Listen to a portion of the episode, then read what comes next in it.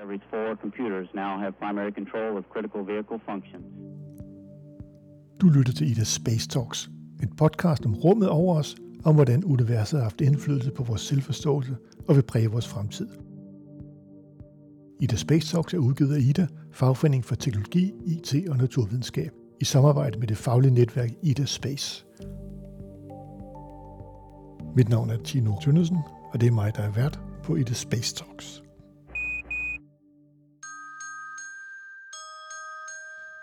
Nu er det jo den søde juletid. Og det betyder, at vi selvfølgelig også holder jul i Ida Space Talks.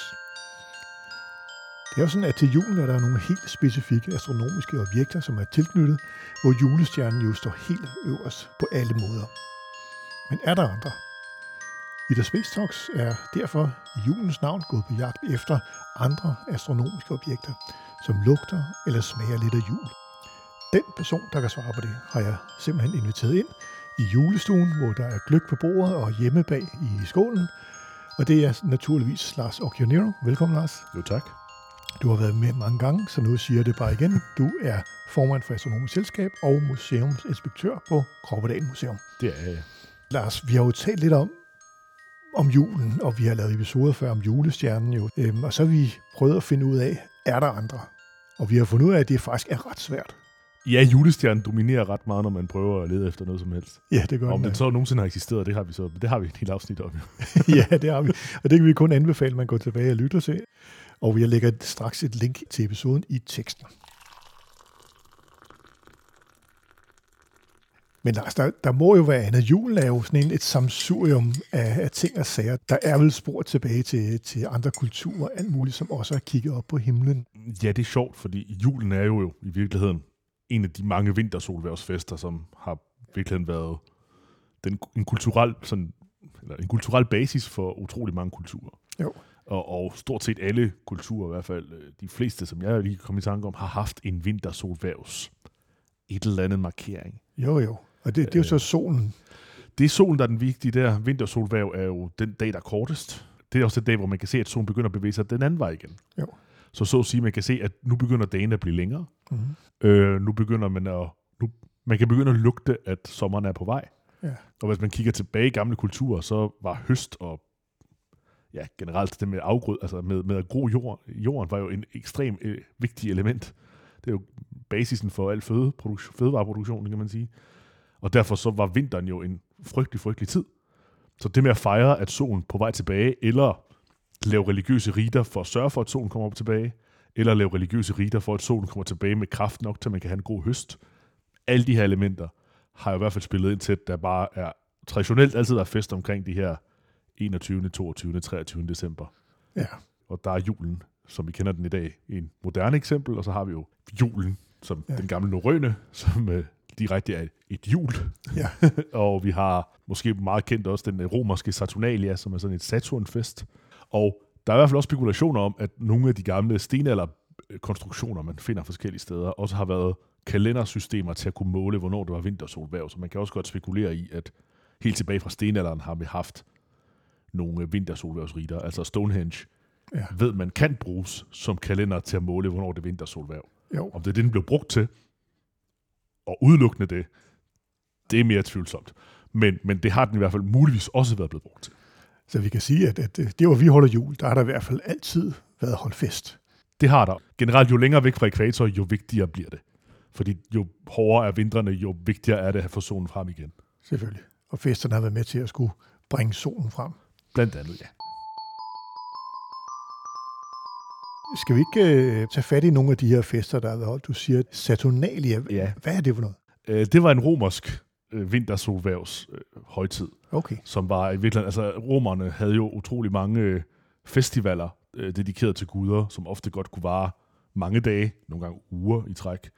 Øh, og øh, omkring juletid her, der var det altså Saturn, som var øh, den gud, man øh, havde den her øh, festival omkring. Aha. Øh, Saturn, det er Jupiters far. Det er ham, der på øh, græsk også hedder Kronos, og øh, som måske også krono og kronometer og så videre. Det, det har, han har knytning til tid. Han er faktisk en af titanerne, og han er ikke en helt hyggelig figur. Han spiser sine børn og sådan noget. I den søde juletid. Øh, men, men Saturn i den romerske har formentlig været i virkeligheden en blanding af den græske kronos og nogle tidligere høstguder, og man ved, at Saturn har haft i hvert fald en knytning til også noget, noget høstgud på en eller anden måde. Mm-hmm. Og derfor er det naturligt, at det er jo høstguden, man, man hylder, når man skal have solen frem igen. Selvfølgelig. Og der er nogle historier om, at øh, Saturnalia har været bandlyst af nogle kejser, fordi det simpelthen gik for vildt for sig. Men øh, af, på grund af, at folk nærmest gjorde oprør, så blev det indført igen. Og en af de ting, man kender til det, det er det her med, at under Saturnalia, der bliver verden sådan lidt vendt på hovedet. Og i hvert fald på Saturnalia natten så har man jo, at tjenerne også kan være hersker og hersker af tjener, så i virkeligheden så havde man det her med, at øh, de rige folk, de agerede tjenere for deres øh, okay. øh, slaver og for deres... Øh, øh og, og omvendt, øh, og så, så, så folk kunne mærke også en sød juletid i virkeligheden. en tidlig julegave. Øh, og, og, men altså, selvfølgelig til en vis grad. Ikke? Altså, der var grænser for, hvad man kunne tillade sig, trods alt. Ja, ja. Men der var lige den her ene dag, hvor, hvor man kunne øh, lige flippe samfundsorden. Øh, lidt i hvert fald. Men ingen, øh, ingen juletræ, ingen julegaver endnu. Julegaver, noget der minder om, er der faktisk vist nok noget, nogle tegn på. Men juletræet, nej, det, det, det er jo en norøn ting. Lad os prøve at tage fat i den så. Hvad med den norøne fejring? Der er problemet, det er jo at i det norøne, altså i, i virkeligheden tidlig middelalder, det man kalder vikingetid. Øh, mængden af kilder er utrolig sparsom. Jo. Øh, så der er grænser for, hvad man ved. Men man har i hvert fald øh, ved, at der har været den her øh, julehøjtider, eller julefest, som var en højtid, hvor øh, krige blev sat i stillstand, øh, også formentlig fordi det var koldt, og det var vigtigt, at man tog sig andre ting i stedet for. Og som er også kendetegn ved de her juleleje, hvor man havde alle de her forskellige sådan, øh, småleje, man lavede i løbet af, af tiden, som i virkeligheden også nok afspejler stadigvæk i dag, af, at man stadig har juleleje af forskellige typer i dag, jo, jo, jo. som man fejrer eller bruger omkring juledag. Nå, det var der allerede dengang. Det var der allerede, og det er i hvert fald sådan en meget øh, norrøn ting, det der med juleleje på den måde. Og så selvfølgelig selve navnet jul kommer jo fra det norrøne. Hvordan? Den hed jul allerede dengang. Og så, så den julefejring, vi har i dag, navnet er direkte taget fra det norrøne jul. Altså på den måde, at man starter igen, men, altså, men man ved i hvert fald, at det blev kaldt at, uh, at drikke jul. Det er også for, at de, de norrøne, der har kæder det jul, hvor andre steder der er det en kristmesse eller lignende. Ikke? Okay. Uh, fordi så, så knytter sig så mere til det, det kristne element, hvor oppe i det norrøne, der har man stadig bibeholdt de gamle norrøne jul okay. uh, som, som et navn. Det er en spinkel tråd op til julen, øh, når nu det er vintersolvær forud øh, for julen. Men det er trods alt noget med solen at gøre. Man kan sige, at vintersolvær er forud for julen, men måden man kan observere, at vintersolvær finder sted på, det er jo ved, at man kan observere, hvor solen står op og går ned hen. Ja. Fordi i virkeligheden så har vi jo altid lært det der med, at østen står solen op, men det passer sådan set kun to dage om året, nemlig ja. på jævndøgn. Ja. Når det er øh, tættere på vinter, jo tættere på vi kommer til vintersolvær, jo mere står solen op i sydøst og går ned i sydvest. Mm-hmm.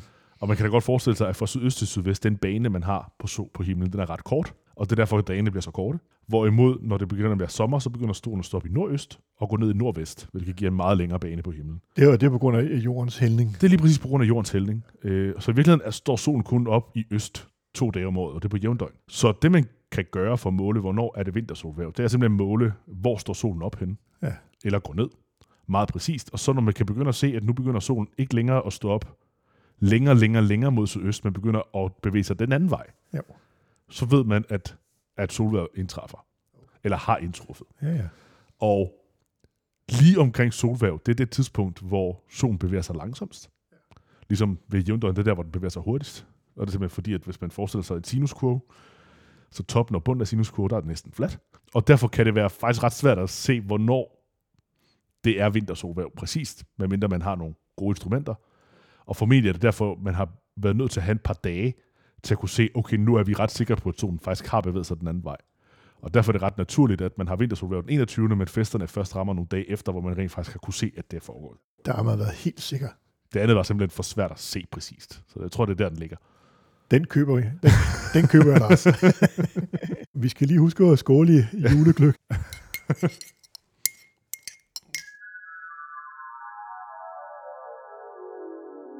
Lars, det var jo solen, som jo har haft stor betydning på, til, i alle tider og alle kulturer, og, og øh, nu har vi forsøgt i hvert fald at, at, knytte den godt op på julen, hvilket egentlig virker meget øh, rigtigt. Hvis nu vi skal kigge op øh, på himlen, mm.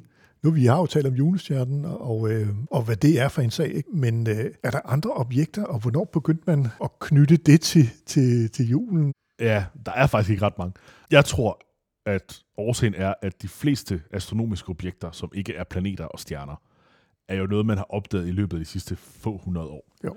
Det har kræver en rimelig god kikkert for at kunne se andre galakser sådan ordentligt. Man kan se Andromeda-galaksen med det blåt øje, men det er sådan tåget klat. Øh, og, og lignende så mange af de sådan deep sky objects, altså ting, der ligger dybt, øh, tåger og galakser, Jo.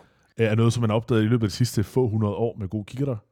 Og det gør, at man nok ikke har tænkt at knytte dem til noget som jul, nok fordi det føles lidt tacky på en eller anden måde. Øh, der er et objekt, jeg har kunne finde, i virkeligheden, eller rettere, en lille gruppe af objekter, som, øh, som knytter sig på direkte til, altså som er direkte navngivet efter noget juleagtigt. Så, så der er faktisk noget. Der er noget. Det er jo det, vi er på jagt efter. Der er noget. Og det er en øh, gruppe, som øh, har den øh, dejlige navn NGC 2264. Øh, NGC det er den her standardkatalog, man øh, bruger over alle mulige typer objekter. Og NGC 2264 indeholder faktisk flere objekter samtidig. Øh, og den indeholder blandt andet øh, en stjernehob, altså en åben hob, som hedder juletræshoben. Aha, nu kommer der noget. Ja, ja. Og øh, en anden hob, der også hedder snifnukhoben, som også, kan man sige, knytter sig lidt til det. Ja, det er i høj grad. Og så jo øh, to, eller en, to stjernetoger, en der hedder Kejletogen, og en der hedder øh, Revpelstogen, som lidt mindre knytter sig til jul. Okay. Øh, Lad os endelig tage fat i uh, NGC øh, 2264. det er jo et meget julet navn. man meget julenavn, NGC øh, 2264, ja. Ja. Juletræshoben er nok den, der er mest øh, julet af de, øh, af de navne. Jo. Og øh, det er en øh, åben håb. Altså hele, generelt hele det her område er øh, et område, hvor der sker stor stjernedannelse. Mm-hmm. Det er et område, der ligger lige ved siden af stjernebilledet Orion. Ja. I det stjernebillede, der hedder enhjørning. Øh, hvis man har en idé om, hvordan stjernehimlen nogenlunde ser ud, så er Orion han er dejlig nem at finde. Øh, tre stjerner på himlen, som man kan se i vintertid i øvrigt. Det er bæltet. Det er bæltet. Øh, hvis man følger bæltet ned skråt til venstre, så rammer man den klareste stjerne på himlen, øh, Sirius. Ja. Og hvis man går ovenover den, så finder man en anden klar stjerne, der hedder Procyon. Øh, Sirius, det er den klareste stjerne i stjernebilledet Stor Hund. Procyon er den klareste i den lille hund, og mellem de to hunde er enhjørning. Okay, Så det her mørke område, hvor der er meget svage stjerner, man næsten ikke kan se, det er altså det her område, vi kigger på. okay. Og hele Orion-området er et sted, hvor der er øh, ret aktiv stjernedannelse. Altså vi har Orion-togen som et godt eksempel, hvor der er aktiv stjernedannelse. Og der er generelt et sted, hvor der er mange, hvor man simpelthen peger ind et sted i Mælkevejen, hvor der er ret mange toger og stjernedannelse og lignende. Og der er der også i enhjørning her. Og når stjerner bliver født, så bliver de gerne født i klynger, øh, i grupper, øh, og så spreder sig ud stille og roligt. Og en af de, de her grupper bliver så ofte det, man kalder åbne stjernehobe. Mm-hmm. Og man kan se to åbne stjernehobe også lige ved siden af Orion, til højre for. Hvis man tager bæltet den anden vej, så kan man finde tyren. Øh, og tyrens hoved, det er sådan et stort V. Det er faktisk en stjernehob, der hedder hyaderne, hvor, hvor de sådan har bredt sig meget langt ud. Og i ryggen på tyren, der har du plejaderne, som er sådan, også syvstjernen, som er sådan en gruppe, der stadig hænger ret godt sammen. Men Jo. trods alt øh, er stort nok og bredt nok, til man godt kan ane, at det er flere stjerner. Men der er også nogle, der ligger så langt væk, at man ikke kan se den. Og der er juletræsho, øh, altså en af de her åbne håbe, så en gruppe af stjerner, der er blevet født sammen og stadig hænger ud sammen, øh, som ligger i øh, enhjørning. Og med lidt god vilje ligner et juletræ. Med ekstrem god vilje. øh, den klareste stjerne i hoben, den hedder S. Monocerotis. Monoceros, det er enhjørning.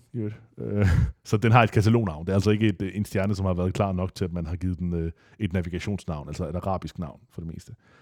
Og S. Monocerotis, det er virkelig en gruppe af stjerner, som ligger så tæt på hinanden, at de sådan dobbelt trippel stjernesystem er variable, meget klare stjerner. Og det er stammen på juletræet. Aha.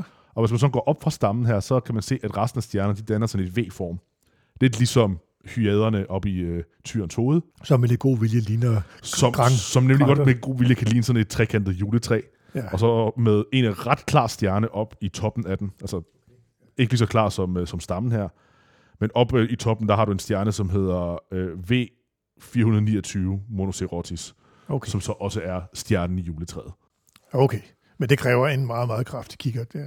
Det kræver en god kikkert for at se. Ikke super kraftig. Det er en, man har haft kendt i et stykke tid, øh, Okay. også historisk. Så man kan godt se den med også en nogenlunde normal kikkert. Og man kan se, at det ligner et juletræ. Det skal jeg ikke garantere. Det er jo op til julen, så, kan, så ligner alt et juletræ. Det er, jo- Det kan man så sige. vi siger her i The Space Talk, at, at det ligner et juletræ.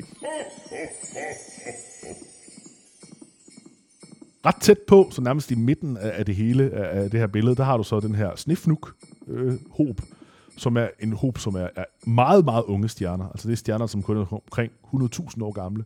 Så det er meget, meget Ja, ja, unge det er i stjerneforstand. Ja. Og øh, de ligger sådan nogenlunde spredt ligeligt i, sådan en cirkel, i hvert fald set herfra, Mm-hmm. som godt kan give en idé om, at det er sådan en snefnuk. Det er derfor, den er blevet kaldt så snefnuk øh. Ja, ja, men det rimer også på jul, Lars. Det gør det og, lidt. Og, og det er jo det, vi gør leder det efter. Fantastisk. Når man så går videre fra træet op fra stjernen og så den anden vej, så er der så en stor kejle, som er den her kejletog. Og det riger måske ikke så meget på jul, men til gengæld er den ret spændende og flot. Den er lidt svær at se. Øh, den blev oprindeligt opdaget af William Herschel, Mm-hmm. og William Herschel, han var jo den første formand for det astronomiske selskab i, i England, Okay. uh, Astronomical, Royal Astronomical Society, Ja. og var egentlig oprindelig komponist uh, fra Tyskland, som uh, brugte alle sine penge på at købe kikkerter og Ja, ja. producere kikkerter, og derfor blev han også en af de bedste astronomer, som man kendte, fordi han havde de bedste instrumenter. Selvfølgelig. Og heller det end hans obomusik. Han, han var oboist og komponist, og det er meget barokt, og hvis man kan lide barokmusik, så er der sikkert nogen, der kan lide det. Ja. Men i virkeligheden, det han er mest kendt for, det er, det er at, at være astronom og katalogisere himlen. Det han nok er allermest kendt for, det er, at han opdagede Uranus, altså planeten Uranus. Jo. Men det er også ham, der opdager øh, kejletogen, og det gør han den 26. december 1785. Så på den måde har den også lidt, øh, smager lidt af jul på en lidt af en juledag. På anden juledag. Ja. øh, der, der, der er han ude og kigge på øh, med sit Ja. teleskop og er lidt ligeglad. Hvad han har fået ind i julegave sig selv, eller, eller, og er ude og kigge og finder øh, kejletogen. Han har fået nok af familien, og nu, nu skulle han ud af noget frisk luft. Han havde ellers en fin familie. Ja, det er rigtigt. Altså, ja. Det var hans søster, der, var, der også var astronom. Ja, Caroline Herschel. Hun er den første kvinde, der bliver betalt for at være astronom. Hun var øh, operasangerinde, og, og fra Tyskland også, og besøger ham i forbindelse med, at han har brækket benet, og kan, han skal bruge noget hjælp, og så kommer hun aldrig videre. Og ender med at faktisk overtage hans arbejde og katalogisere videre, og i virkeligheden øh, gør det øh, et endnu større katalogarbejde, end han gjorde Ja, ja. Vi siger, det var i julens ånd. Og så har han jo en søn, som også bliver den næste formand i Royal Astronomical Society. Ting har det med, som, som hedder John Herschel. Og John Herschel, han øh, opdager en øh, galakse, som hedder øh, i dag NGC 1706, Aha. Som faktisk er en gruppe af tre galakser, der ligger tæt på den galaksegruppe. Altså tre galakser, der sådan ligesom man har dobbeltstjerner, så kan man godt have galaksegrupper. Øh, og den opdager han øh, juledag. Så han er simpelthen... Øh, Det var simpelthen den families julehygge. Det var at gå det var og at gå ud og observere. og sætte teleskopet op. Lige præcis. Det lyder da også hyggeligt. Det måske meget, også et meget godt tidspunkt at, at kigge på himlen på. det, det er mørkt i hvert fald, og der er lange mørke om, øh, perioder, øh, så det er i hvert fald øh, om vinteren det nemmeste, specielt når man er øh, i England og i Danmark i særdeles, altså godt væk fra ekvator, så øh, Ja, ja. er sommerdagene så lange, at man ikke rigtig kan se noget, så er det kun vinteren, man har at gøre godt. Så der var jo alligevel noget omkring julen, eller hvad kan sige, med juledagene også, hvor der er sket ting og sager. Ja, ja. ja, ja. Ja, ja. Og Der, det er smukt. Lars, øh, i vores jagt her, vi har jo talt om julestjernen, men, ja. men er, er der noget nyt om julestjernen her? Men en af hypoteserne for julestjernen jo, Ja. er jo, at det er en komet, eller var en komet. Det er rigtigt. Og det er en hypotese, som øh, på ingen måde holder stik, men øh, øh, har været kulturelt øh, en ret væsentlig element, i hvert fald når man tager ned i Sydeuropa. Jo, Altså jeg er jo selv fra Italien, og, og julestjernen i Italien hedder kometstjernen helt. Ja. Ja. Stella Cometa. Stellar Cometa, ja. Og også når man har julestjernen både på juletræet og på krybespil og, og på, i gadebilledet osv., så, videre, så er det altid sådan en stjerne med en hale. Altså det er sådan helt fast. Så Element. det, det er det, der er i toppen. Det er det, der er i toppen, det er, og, og det er en komet. Altså hvis du spørger italienere, hvad er julestjernen, så vil de automatisk knytte det til en komet. Og hvis det endda er nogen, der har lidt mere, så vil de endda knytte det specifikt til en bestemt komet. Aha. Nemlig, der hedder Halley's komet. Uh, Halley's komet er nok også, fordi det er den mest kendte af kometerne. Øh, det er en af de få kometer, der ikke er opkaldt efter den, der opdager den. Fordi Halley opdager ikke Halley's komet. Den har været kendt ret længe. Men øh, Edmund Halley, han øh, bruger Halley's komet og opdager, at den her komet, der viser sig på himlen, har vist sig med nogle meget specifikke perioder. Ergo øh, har han en idé om, at det måtte være den samme objekt, der viser sig igen og igen og igen. Og har den her idé om, at det faktisk er noget, der er i kredsløb om solen, og ikke bare et atmosfærisk fænomen. nej. Han har så det problem, at det der med at prøve at forstå, hvordan ting kredser rundt om solen, det har man ikke noget ordentligt matematisk grundlag for endnu. Men han har en ven af familien, som vist nok er i gang med at arbejde med det, som hedder Isaac Newton. Ja. Men øh, han vil ikke sige noget, fordi han er paranoid og er bange for, at alle folk stjæler hans idéer. Så han får simpelthen sådan Newton presset til at give ham et kapitel af gangen af den her bog. Og i virkeligheden er det ham, der sponsorerer, at bogen bliver udgivet. Øh, den bog, der hedder Filosofia Naturalis Principia Mathematica Hold op. øh, naturfilosofien på matematisk grundlag, som jo er grundbogen i fysik. Altså det er der, fysikken bliver skabt. Okay. Så en ret vigtig bog. Og grund til, at det er også ham, der sponsorerer bogen, er jo også, at øh, normalt vil videnskabernes selskab gøre den slags, men de har brugt hele deres budget på at lave en bog om fisk, så der er simpelthen ikke råd til at udgive den vigtigste bog i fysikkens historie. Øh, fordi fiskebogen var meget dyr, for der var en masse kovertryk i.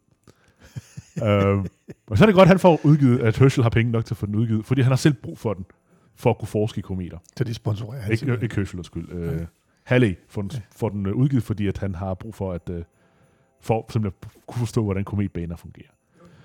Og nogle af de billeder, der rent faktisk bliver brugt, øh, af Halley også for at forstå, at har en idé om, at det måtte være den samme komet, det er øh, billedet, der er på Bayeux-tapetet.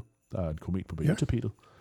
En anden en er faktisk den komet, Giotto maler øh, på øh, krybebilledet, som man har. Øh, Giotto, øh, maleren, øh, tidlig renaissancemaler, øh, senmiddelalder, alt efter hvornår man vil, øh, vil sætte snittet. Ja. Øh, Giotto, han maler jo et øh, billede af Jesus fødsel, som er sådan helt klassisk, og nærmest det, som er øh, inspiration til rigtig mange krybespil, også i Italien, hvor du har øh, du ved, en bøffel og en æsel, og du har det helt klassiske øh, staldbygning, og, og alt, hvad der dertil hører. Og på den, der tegner han øh, julestjernen i form af en komet. Okay. Formentlig fordi, at han har nyligt oplevet Halleys komet, og set det her fantastiske syn på himlen, og tænker, at det må jo være det. For det, er der kan jo ikke være andet end det her fantastiske noget, jeg lige har set. Øh, så det er nok der, Halleys komet kommer ind øh, i billedet. Okay, så på den måde bliver Hallis komet på lidt søgt betragtet som julestjernen. Ja. Og bliver så lidt proxy for julestjernen på en eller anden Jo, jo, jo, jo. Og det, der er det sjove, det er, at øh, her i optagende stund, øh, der er, er det kun få dage siden, at Halleys komet var i aphelion, som det hedder. Øh, når man har en bane rundt om solen, så er der sådan to punkter, der er særlig vigtige, og det er aphelion og perihelion. Øh, og aphelion, det er det punkt, der er længst væk fra solen, og perihelion tættest på solen. Okay. Så nu, er den på, så nu er den på vej tilbage. Lige præcis, for så den der krydser aphelion, så betyder det, at den er på vej ikke længere væk fra os, men imod os igen. Så nu er den halvvejs i, i sin bane på vej tilbage mod os, og så kan vi opleve den igen om, om 37 år. Så jeg har den øh, dejlige ting, at den kom, da jeg blev født, og så kan jeg måske opleve den, når jeg er nu 70. Ikke? Den kom fordi du blev født. Skal vi lige have fyldt op? Lars, vi har jo i en tidligere episode talt om, øh, om stjernebilleder. Mm. Er der et stjernebillede, som, som øh, knytter sig specielt til julen i en eller anden kultur? I en eller anden kultur. Øh, I vores billede af julen måske, ja. Karlsvogn er jo kendt af de fleste. Øh, og Karlsvogn er også en af de her asterismer, som det hedder, altså uofficielle stjernebilleder, som man kan se øh, på den nordlige halvkugle hele året rundt, og derfor er der mange kulturer, der har haft særlig knytning til den, og ofte brugt den som et eller andet. Jo, jo. Og i inuitkultur, der bliver den kaldt for karibu, og karibu, det er jo et form for rensdyr. Så der er i hvert fald en øh, knytning der, og det er måske også meget passende, at når man øh, bor så tæt på Nordpolen og Grønland, at der er selvfølgelig masser af rensdyr omkring en, at, at man så også placerer en på himlen. Er det det, man har set, når man har kigget op? Så når man er, så i inuitkultur, så er øh, Karlsvognen, det er altså ikke en vogn, det er et rensdyr. Det er et rensdyr. Og rensdyr har jo noget med julen at gøre. Altså det har noget med vores moderne forståelse af julemanden, der trækker, der får trukket kanen af rensdyr i hvert fald, ikke? Så med, igen, med lidt rigtig, rigtig god vilje, så er det et, øh, et af rensdyrene i hvert fald, Det er som, sandt. som, Det er som, sandt. som, trækker. Og det er simpelthen et stjernebillede. Stjernebillede stjernebillede. rensdyren. Eller karibu, som er Karibu, en bestemt type rensdyr. Jo, jo, okay. Og der er ingen, der har kaldt det for, for hvad det, rensdyr stjernebillede. Ikke hvad jeg ved af. Der er et rensdyrstjernebillede. Øh, der er et lille bitte rensdyr, eller der har været, den er ikke officielt længere, så nu er den også i asterisme-kategorien. Men der er mange af de her sådan små stjernebilleder, man har brugt til at fylde ud med, specielt i 1800-tallet, mm-hmm. inden man begyndte at bare definere sig ud af det. Og der er et lille rensdyrstjernebillede øh, oppe i nærheden ved siden af Cassiopeia, Okay. øh, men som øh, i dag er ikke længere officielt og ikke længere benyttet. Nej, okay. Men, men det, er, det er der jo stadigvæk, må man sige. Ja, det er der i, i, i, historiske, Ja. ja. i historiske kilder, kan man godt finde den. Og vi har jo benyttet det i dag. Ja, ja. Det, Ikke? Så ergo eksisterer det, og Cassiopeia, Altså, et stjernebillede findes jo ikke rigtigt. Det er jo bare, hvad ja. vi synes. Så, selvfølgelig, selvfølgelig. Men i dag findes det, fordi ja. at nu har Ida Space Talks bragt det tilbage. Ja. så øh, der, er, der er et lille rensdyr ved siden af Cassiopeia, og så er der jo øh, Storbjørn eller Karlsvognen, som i inuitkulturen altså er et kaibu. Og jeg vil ikke sige det på deres sprog, for det kan jeg ikke. Nej, så skal vi have noget mere gløk i hvert fald. Jeg kommer, jeg kommer bare til at slagte sproget, så det vil jeg helst lade være med. Når du vi taler stjernebilleder, og, øhm, og, og vinterhimlen og julehimlen er jo er jo mørk, så det er jo et godt tidspunkt at kigge på stjernebilleder. Er der nogle stjernebilleder, som er, som, som er specielt klare her hen over, hen over julen? Jamen altså, vinterhimlen er et uh, utrolig interessant øh, del af stjernehimlen i virkeligheden. Til dels fordi den er dejlig nem at se, fordi det er vinter. Og så er den også nogle af de stjernebilleder, som rigtig mange kender. Øh, altså der er selvfølgelig de der, øh, som vi kalder cirkumpolare stjernebilleder, altså de stjernebilleder, man kan se hele året rundt. Og der er Karibuen jo øh, klart en af dem, altså Storbjørn og Lillebjørn, øh, som jo, hvis hale er jo Nordstjernen, så derfor kan man selvfølgelig se den hele året rundt, og tilsvarende Cassiopeia og lignende som, som lige ved siden af. Cassiopeia er dobbeltvedet. Cassiopeia er nemlig dobbeltved. Det er dronning, der øh, ligger på himlen og er straffet med, at hun aldrig nogensinde kan drikke vand igen. Øh, generelt alle cirkumpolare billeder i de gamle græske historier er folk, der er blevet straffet med aldrig at få lov til at drikke igen, fordi at man havde en idé om, at der var ved horisonten et stort hav. Og øh, rigtig mange af de folk, altså når stjernebillederne går under horisonten, så drikker de af det her hav, og så kan de komme op igen. Så dem, der ikke får lov til det, de er som regel, fordi de er blevet straffet af en eller anden grund. Okay. Så oftest er Hera, som har en god øh, deal med øh, den her havgudinde. Det vil sige, at de sulter hen over julen. Eller de sulter generelt. Og tørster hen over Og tørster over hele deres liv. I virkeligheden. Det er jo ikke så juleagtigt. Og som regel ikke, fordi det er noget, de har gjort, men fordi det er noget, øh, Søvs har gjort. Og som, øh, det er altid Søvs. Det er altid Søvs. Øh, lige Cassiopeias historie er ikke, men det er også fordi familien den er ældre. Øh, hun var dronning og blærede sig over, at øh, hendes øh, datter var smukkere end nymferne, og det gjorde Poseidon sur. Og Poseidon har også god knytning til hende der havgudinden, sjovt nok. Så. Athene blev også ret sur. Og det er Poseidon og Athene, der generelt ikke kan lide hinanden. Øh, der er generelt sådan en øh, lang saga af, af, af, af krig mellem de to, formentlig fordi det vi har repræsenteret et eller andet samfundsideal, og, og, og man har haft de her måder at, at, at vise dem frem på ved, gennem de her to figurer.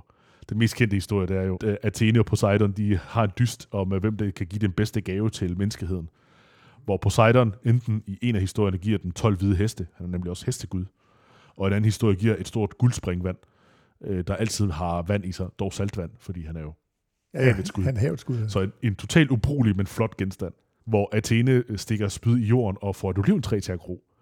Øh, og hvor folk er så lidt, men det er jo bare et lille bitte træ, og han tænker, jeg har da automatisk vundet, men oliven var jo grundlaget for økonomien i hele Middelhavet. Så det er jo selvfølgelig den absolut vigtigste ting, hun kan give dem. Ikke? I høj grad. Og det er der, og der hvor hun øh, stikker det her ned i, i jorden, og, og træ, det så det, der bliver kernen af den by, der stadigvæk i dag hedder Athen. Så hun vinder, kan man sige. Nu sidder jeg og prøver at finde en drejning til julen, og det eneste, jeg kan komme på, det er, at på Poseidons gave, det må smuk, men ubrugelig, hvilket jo er mange julegaver.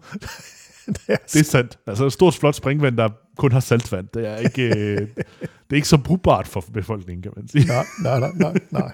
nej. Men øh, jeg prøver bare at holde fast i, i, i juletemaet her, Jeg husker, jeg kan godt købe mytologi langt ud. Øh, men de klareste stjernebilleder ellers, øh, altså de, de, de der, dem kan man se hele året rundt. Øh, dem, der er tæt på øh, himlens nordpol. Vinterhimlen specifikt. Øh, man har e- en gruppe af stjernebilleder, som man også kalder for vintersekskanten, fordi hvis man, man kan danne en sekskant ud af de klareste stjerner. Og den klareste stjernebillede i vinteren, og den, der er nemmest at finde i hvert fald for de fleste, det er Orion, jægeren. Uh, Orion uh, er et figur, som har været et, en menneskefigur på himlen i de fleste kulturer. Han er også en af dem, der måske er nemmere at få til at ligne et eller andet. Uh, og han har tre stjerner, som den er et bælte, som er meget nem at finde. Og så har han et svær i bæltet, og i midten af sværet, der ligger jo et Orion-togen, som man kan, kan ane med det blotte øje, og tydeligt kan se med en kikkert, og et ret flot sted, ting at kigge på. Det er sådan et stjernedannelsessted, sådan et virkelig voldsomt stjernedannelsessted, og meget flot øh, objekt. Mm-hmm. Og så har han et hoved, øh, som er ikke så stor, han er ikke så klog. Så har han to skuldre, øh, hvor i den ene er en meget klar rød stjerne, som hedder Betelgeuse. Og så har han to fødder, hvor den ene det er en meget blå, klar stjerne, som hedder Rigel. Øh, Betelgeuse er øh, rød, fordi det er en øh, det hedder en rød superkæmpe stjerne. Så det er en stjerne, der er døende. Øh, det er simpelthen, når stjerner er i deres sidste fase i deres liv, så puster de sig op og bliver ustabile. Øh, og øh, Betelgeuse er altså i sine aller, aller sidste stadie af sit liv. Og øh, der sker nogle gange, hvor folk er sådan lidt, uha, springer den nu, fordi den har lavet sådan nogle støvskyer en gang imellem, fordi den er så ustabil, at den simpelthen godt kan finde på at, og så at sige sådan bøvse støvskyer af sig, som så bliver kolde, og så dækker den for den, og så bliver lyset fra den sværere, og så er det folk tænker, er det fordi, at den lige er i gang med at, at tage en sidste kramtrækning, inden den eksploderer. Så farve, farvene har ikke noget med julen at gøre? Det er fordi, den er kold. Okay. Men den er rød. Er jeg prøver, jeg prøver, Lars, jeg prøver. ja, ja, er, men den er pæn, og den er flot, og den er tydelig rød på himlen.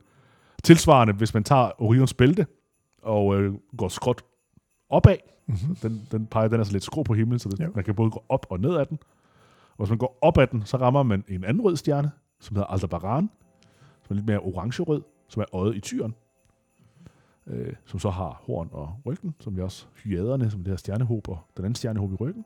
Og hvis man går den anden vej, så rammer man en stjerne, der hedder Sirius, som er en øh, klar blå stjerne, som er den klareste stjerne på himlen. Så hvis man nogensinde finder noget, der er klarere end den, så er det ikke en stjerne. Og den har, den har faktisk også nogle gange været haft sådan en, det må være julestjernen, i hvert fald blandt mange, fordi at den er så klar og flot. Og det er sådan lidt, nej, den er bare klar. Den er bare klar. Og går man op ad den, så finder man Procyon, som er, øh, øh, Sirius, det er den klareste stjerne i stjernebilledet Stor Hund, som også er navnet på Orions jagthund. Og hele det her, det er faktisk sådan et jagtbillede, hvor man har Orion med sine hunde. Hvis man går op, så finder man Procyon, som er den lille hund, som slås mod tyren. Så det er Orion med sin jagthunde, der slås mod tyren, og der er et stjernebillede haren, der stikker af mellem fødderne på ham. Og ved siden af tyren er der den store, i hvert fald et stykke af det store stjernebillede, der hedder Erianus, som er den store flod. Okay. Så det sker jo tydeligvis i nærheden af en flod, det her. Så der er sådan et helt jagtbillede på himlen. Ikke meget med julen at gøre, men, men, men, men uh, stadigvæk. Men de er pæne, Ja, ja, og, og- og, og klart værd at kigge efter. Og man kan se det juleaften. Hvis man vil have knyttet det til julen, ja. meget, meget, meget, meget løst. Nu, nu, nu går vi virkelig over i det løse territorie.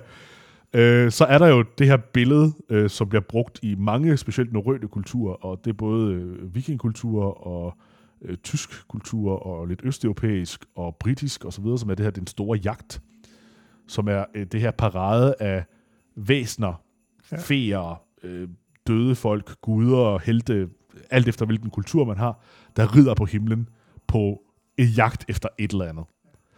Øh, og de er ofte anført af en eller anden figur, og nogle steder der bliver det anført af Orion, Mhm. mm-hmm. fordi han er den store jæger, så det giver mening. Andre steder bliver han anført af alle mulige andre folk. I det norrøne, specielt i, i de vikinger, der er de anført af Odin, Aha. som rider på en hvid hest, øh, Sleipner, Ja. som på nogle billeder er hvid, med otte ben selvfølgelig. Odin er jo portrætteret som den her meget gamle mand med stort hvidt skæg. Aha, Og det her med en gammel mand med stort hvidt skæg, der kommer ridende på himlen, det kender vi. Det kender vi lidt i form af en form for julemand. Og der er nogle hypoteser om i hvert fald, at vores moderne billede af julemanden, delvist i hvert fald inspireret af, af Odin, der er på øh, den vilde jagt. Fantastisk klart. Og det var, det var en fantastisk afrunding på, på, på vores jagt efter øh, juleobjekter på øh, nattehimlen og i de astronomiske anekdoter. Jeg tror, det bliver svært at presse mere ud af citronen. det tror jeg. Men Så vi skal øh, prøve at finde noget om øh, jul i sci-fi-litteraturen til næste år eller et eller andet. det, finder vi, det finder vi til næste år. Lars, tak fordi øh, du kiggede forbi og var med til at holde dampen oppe under julen her. Og øh, glædelig jul til dig. Og glædelig jul. Du har lyttet til Ida Space Talks. Du kan også følge os på Facebook i gruppen Ida Space. Og her kan du også deltage i debatten om alt inden for rumfart. Du kan også skrive til mig på trt hvis du har et emne, som du synes, at vi kan tage op. Og du kan også abonnere på podcasten via din favorit podcast udbyder. Ida Space Talks er en af flere podcasts, der udgives af Ida, Fagforeningen for Teknologi, IT og Naturvidenskab. Og du finder alle Idas podcasts på ida.dk-podcast.